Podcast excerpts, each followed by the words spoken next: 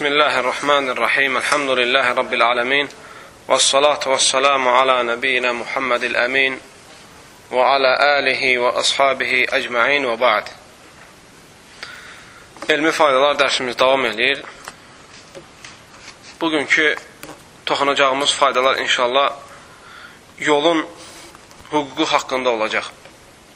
Məlumdur ki, hər bir insan harasa çatmaq üçün yoldan istifadə edir. Yoldan keçməsən olmaz. Evlərin beli ilə gəzə bilməzsən. Bostanlarla gəzə bilməzsən. Dağların başında gəzə bilməzsən. Harasa çatmaq üçün yoldan istifadə etməlisən. Yolda, yola da həmişə hüquq verilir. Yəni, heç kəsin olmur yol. Bütün insanların orada gəzmək haqqı var. Amma evlərdə elə deyil. Evin sahibindən izin almaz. Bostanlar elə deyil, bağlar elə deyil, bağçalar elə deyil. Amma adətən insanlar arasında insan yaranandan bu yana yolun hüququ ümumiləşdirilib. İslam dini heç bir şeyi insanların mənfəətinə gələn tərk eləməyib. Harada insanların mənfəətinə, xeyrinə nə varsa, İslam dini onu gözəl şəkildə başa salıb. Deməli, nə qədər ki, biz deməli, yolda harasa çatmaq üçün yoldan istifadə etməliyik, onda o zaman yolun haqqını verməliyik. Görəsən, bəzilər soruşur, görəsən yolun haqqı var. Yəni yoldur gedirik və salam. Elə deyil. İslam dinində yoldan yeriyənlərin onlar yoldan yeriyənlərin üzərində yolun haqqı var.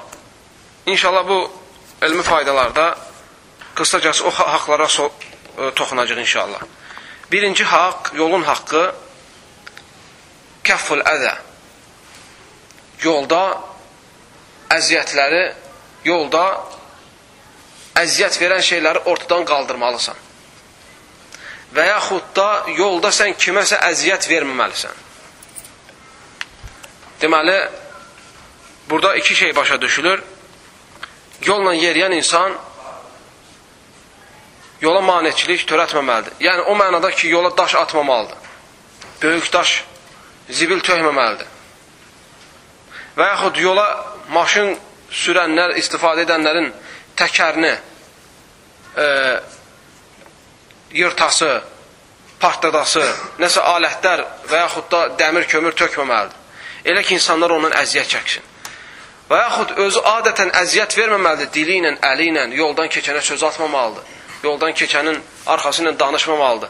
Qısacası, yolun haqlarından biri insan gərək yolçulara, nə də yola əziyyət verməsin yolda yolçulara əziyyət verməsin. Bu birinci haqq. İkinci haqqı, yolun haqqı, yola çıxdınsa, gözün haramlardan çəkməlisən.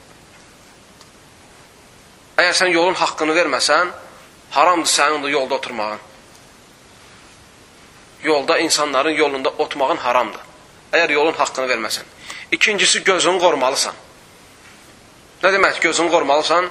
Gələnin qabağından, gedənin arxasından baxmamalısan. Sənə icazəli olmayan şeylərdə gözünü yumalısan. Naməhrəmlərdən və yaxud sənə aid olmayan şeylərə baxmamalısan. Yolda oturmağa icazə verilir bu şərtlə. Ki, sənə aid olmayan birisini gördünsə, gərək gözünü ondan çəkilsən.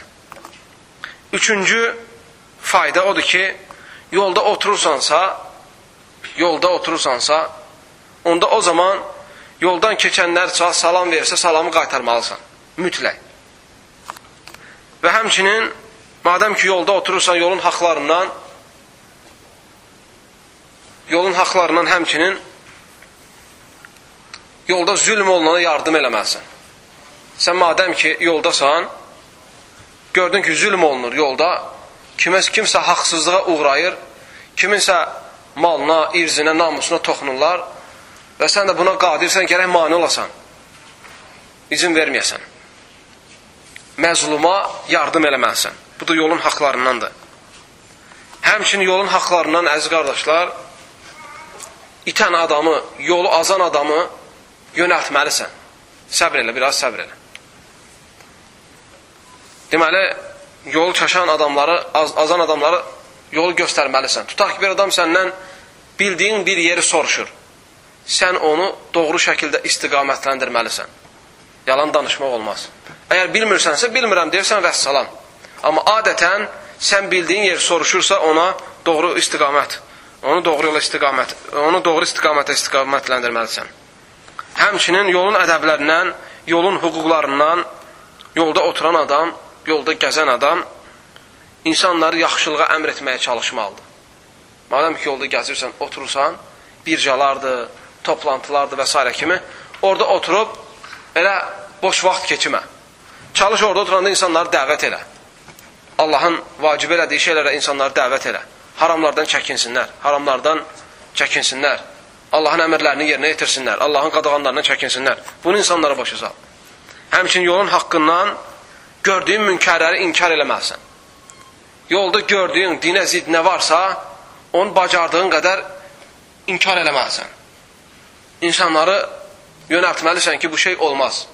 Deməli, əgər sən bu sizlərə saydığım bu yeddi haqqı yerinə yetirsəniz yolda olduğunuz müddətdə onda icazəlidir yolda oturmaq. Yoxsa bu haqlar tətbiq olunmadığı zaman yolda oturmaqdan, oturmaqdan çəkinmək lazımdır. Bu faydaları qısacası bir də sayıram ki, yadda qalsın. Birincisi, əziyyət verməməlisən yolda. İkincisi, gözünü qorumalısan haramlardan. Üçüncüsü, salam verənin salamını qaytarmalısan. Dördüncüsü, məzluma yardım eləməlisən. Beşincisi, itən adamı, azan adamı doğru yola istiqamətləndirməlisən. Və altıncısı, insanlara haqqı başa salmalısan. Səndən gəlib bir adam, yəni fürsət tapdınsa, dəvət elə, haqqa başı sal. Yedincisi isə, yolda gördüyün münkar pis əməllərdən insanları çəkindirməlisən. Əgər bunları etsən, inşallah yolun haqqını yerinə yetirmiş olarsan və bununla da həm özün faydalanmış olarsan, həm də ümmətə xeyir vermiş olarsan. Allah bizə işli faydalardan etsin və üzərimizdə olan haqq hüququ yerinə yetirənlərdən etsin. Və sallallahu aleyhi və səlləm və barək alə nəbinə Muhammed və alə alihi və ashabihi əcməin.